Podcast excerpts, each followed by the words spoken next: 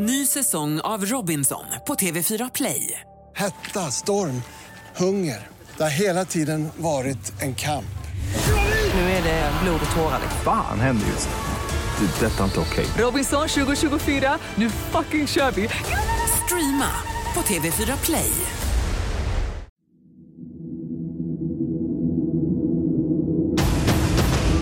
Vi hade ju skickat in DNA-provet. Det var ganska omgående som vi fick det här svaret. Då visste vi att vi kanske kunde se till sig att inga fler kvinnor riskerade att råka illa ut. Det är få fall som jag jobbat med som berört mig så mycket som mordet på Kajsa Jonsson i Norrköping 2005. Dels den brutala gärningen förstås, men också för att jag träffat så många personer som på olika sätt var med om den här händelsen. Hennes mamma, hennes syster, poliserna som utredde, men också för ovanlighetens skull mördaren själv. Han som så länge förnekade att han var den skyldige. Jag heter Hasse Aro. Välkomna till min podd Fallen jag aldrig glömmer.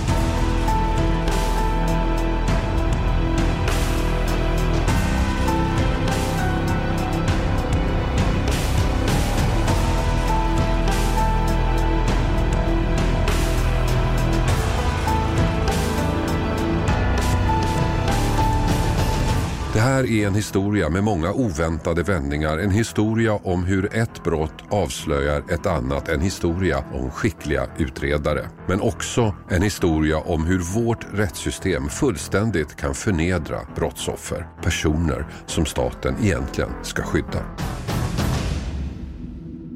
Allting börjar den 9 januari 2005. Stormen Gudrun har precis dragit över Östergötland och på morgonen går en barnfamilj ut på en promenad i skogen. Och där, bland all omkringblåst bråte och löv, hittar de en kropp. En kropp som tillhör en ung kvinna. De larmar förstås polisen som snabbt är på plats och en av de första som kommer dit är Anders Selevik, chef för avdelningen grova brott på polisen i Norrköping och han hade jour den kvällen.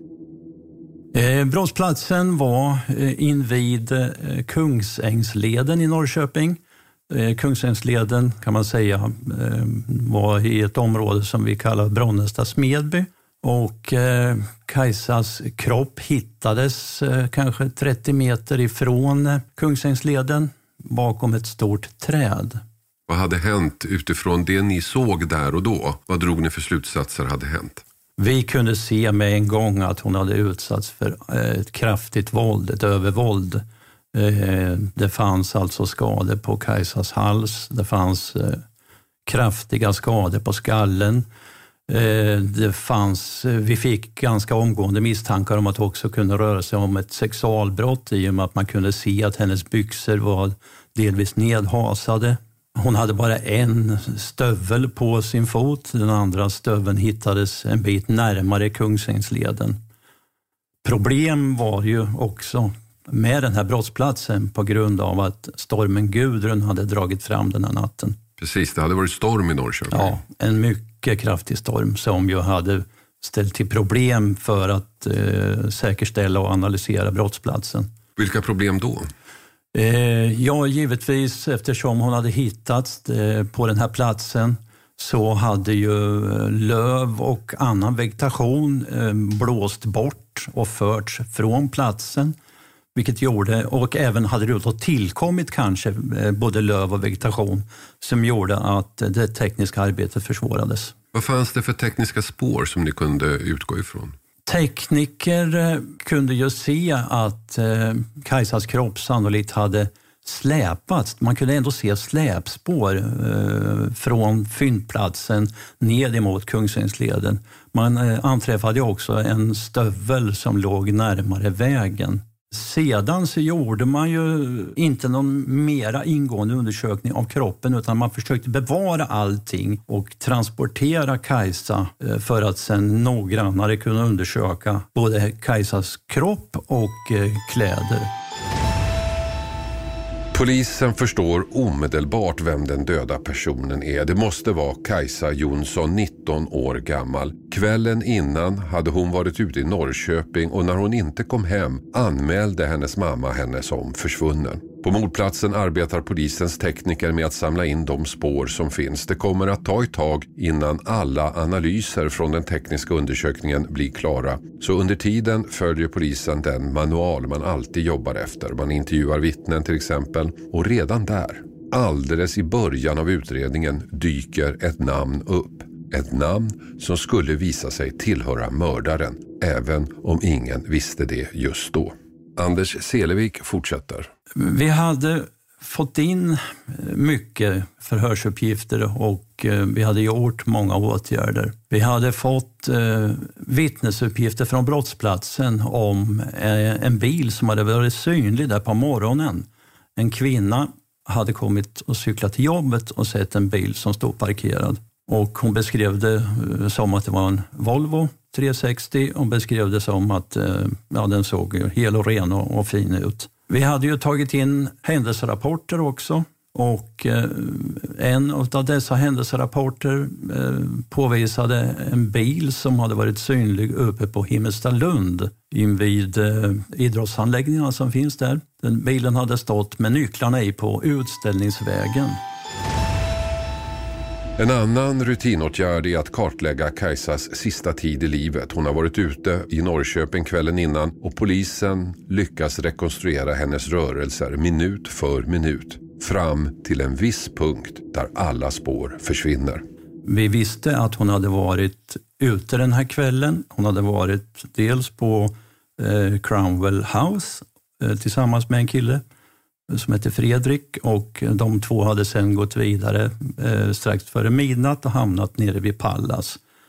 Via information som vi hade fått ifrån eh, mamman, Ingrid, eh, så visste vi att Kajsa hade lämnat Pallas någon gång runt tretiden och hon skulle även ha varit i telefonkontakt med sin pojkvän.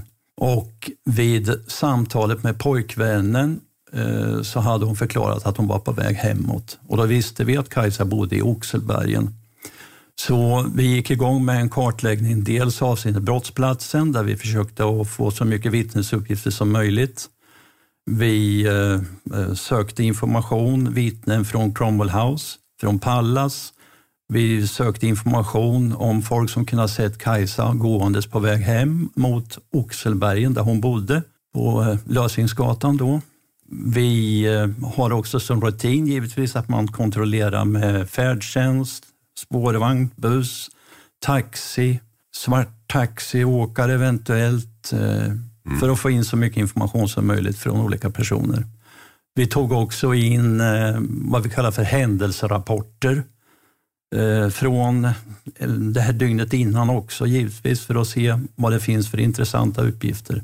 Och eh, sen börjar man att jobba metodiskt med allt det här och sen sammanställa olika fakta. Och ett förhör leder ju till nya förhör och sedan så jobbar man på så här metodiskt. Om du då sammanfattar den här kartläggningen. Ni vet att hon var ute på kvällen och hon skulle åka hem. Eh, och så hittades hon på brottsplatsen. Hur långt var det däremellan? Eh, det rör sig om 7-8 kilometer från eh, fyndplatsen till där Kajsa befann sig på kvällen och festade. Vad drog ni för slutsats av det? Ja, slutsatsen var ju att eh, Kajsa kunde ju inte ha gått dit utan hon måste ha varit i ett fordon och på något sätt eh, åkt med eller transporterats dit. Möjligen om kroppen hade dumpats där. Initialt var det ju oklart men däremot att ett fordon måste vara inblandat. Alla spår upphör alltså efter den sista iakttagelsen. Ingen har sett var hon tog vägen efter det. Men då kommer ett genombrott. Ett genombrott som kommer att skaka om hela utredningen. Kriminaltekniska laboratoriet har nämligen lyckats säkerställa ett DNA-spår på Kajsas kropp. Vi eh, hade ju misstankarna givetvis om att det här kunde röra sig om ett sexualbrott och eh, Kajsas kropp undersöktes ju och eh, man hittade ju DNA. Man fick då eh, två profiler, två DNA-profiler. Den ena eh, profilen eh, kom ifrån Kajsas pojkvän och han hade ju via förhör kunnat avfärdas eh, tämligen omgående från att ha något med det hela att göra. Och då visste vi att det fanns det ju en person som sannolikt hade med Kajsas död att göra. Vad gjorde ni med den profilen? Ja, vi hade ju fått en profil och eh, ganska omgående också så fick vi ju vem den här profilen tillhörde.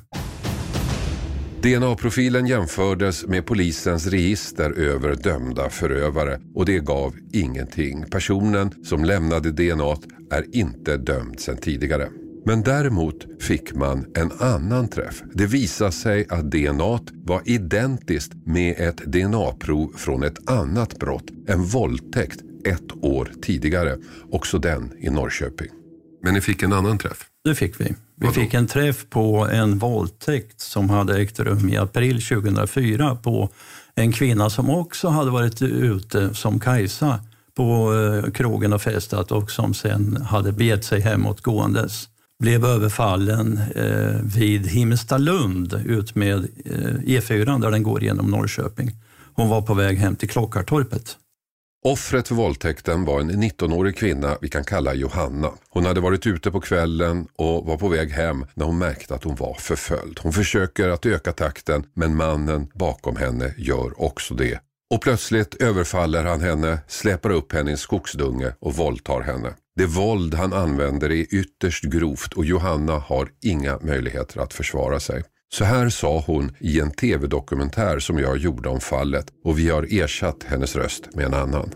Han stannar och lägger sig ner på mig. Och efter ett tag så börjar han slita i mina kläder samtidigt som han slår mig i magen, midjan och bröstkorgen.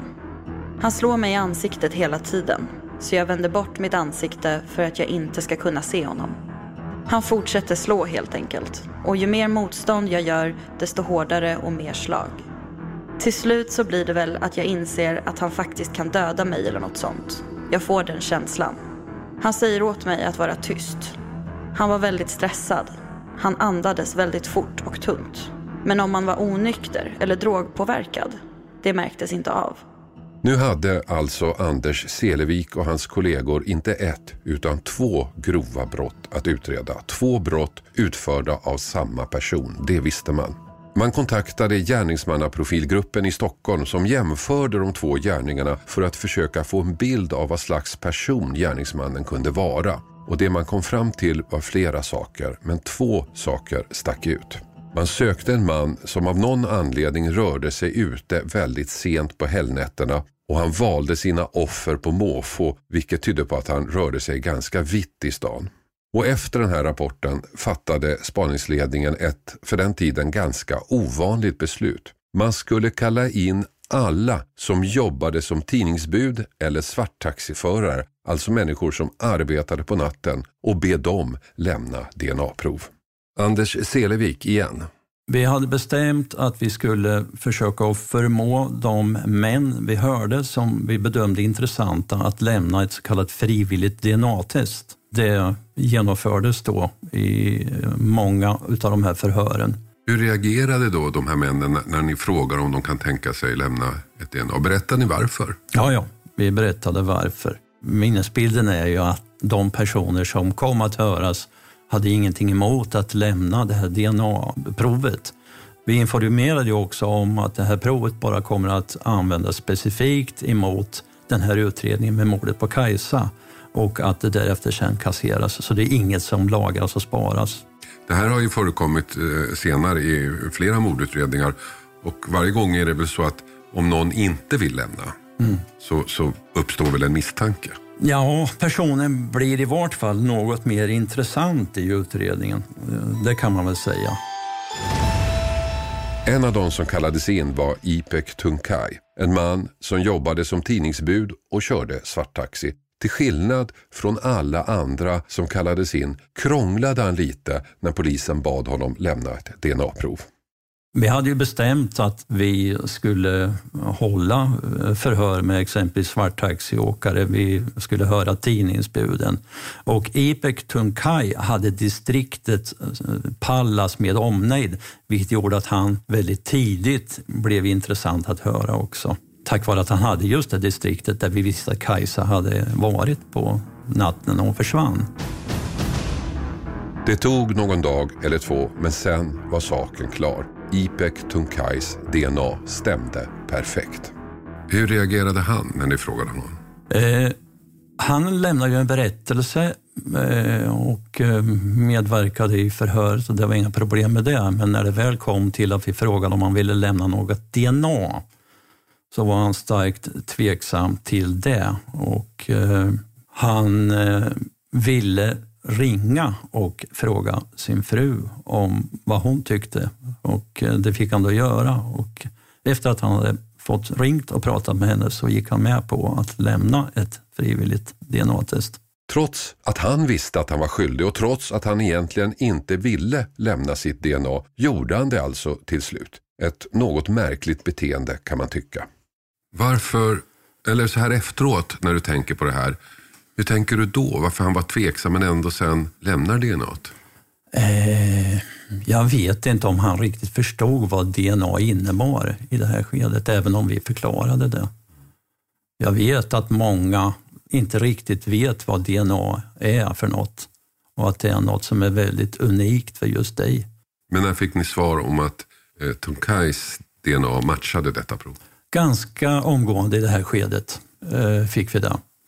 I och med att eh, vi hade ju skickat in DNA-provet från IPEC. Jag kan inte idag minnas exakt, men det var ganska omgående som vi fick det här svaret. Hur kändes det då? Eh, kändes jätteskönt. För då visste vi att vi kanske kunde se till att inga fler kvinnor riskerade att råka illa ut. Och då råder ingen tvekan heller om det är han? Nej, det, det var ett eh, starkt resultat. Jag vill minnas att det var vad man kallar för en plus trea, eh, vilket är det näst högsta. Och inte bara på Kajsa utan även på Johanna? Ja, och Johanna med ja. Och det här ledde ju till att eh, åklagaren beslutade om att han skulle anhållas och frihetsberövas. Nu visste alltså polisen att Tunkay var deras man, att han mördade Kajsa, att han våldtog Johanna. Nu var det bara att gripa honom. Men då kom nästa problem. Ipek Tunkay hade lämnat landet.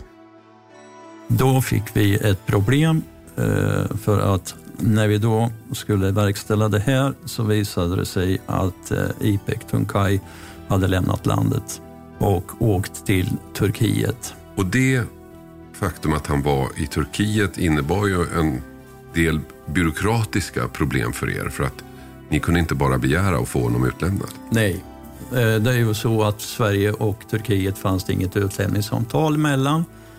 Då är ju frågan hur den delen skulle lösas. Eh, Ipek Tunkay vart ju anhållen och häktad i sin frånvaro och han, han vart också efterlyst via Interpol. Vilket betyder att skulle han lämna Turkiet så givetvis så kommer han att, kunna gripas. Då. Men att få honom utlämnad därifrån, det, det kunde visa sig Nej. vara omöjligt. Och jag vet att vi hade åklagaren eh, förde tankar och eh, resonemang kring om möjligheten att kunna få honom lagförd i Turkiet också. Nu hade utredarna ett problem, ett stort problem. Den man de visste var en mördare och en våldtäktsman hade åkt till Turkiet. Ett land med vilket Sverige inte har ett utlämningsavtal. Vilket annat land som helst i Europa hade lämnat ut honom, men inte Turkiet. Skulle han gå fri nu? Men just när man nästan gett upp hände ännu en oväntad sak. En sak ingen kunde förutse. Det berättar jag mer om i nästa avsnitt av min podd Fallen jag aldrig glömmer. Klippning och inspelningsansvarig David Dava Persson och exekutiv producent Mattias Arvidsson. Ljudinslagen i avsnittet kommer från Efterlyst i TV3.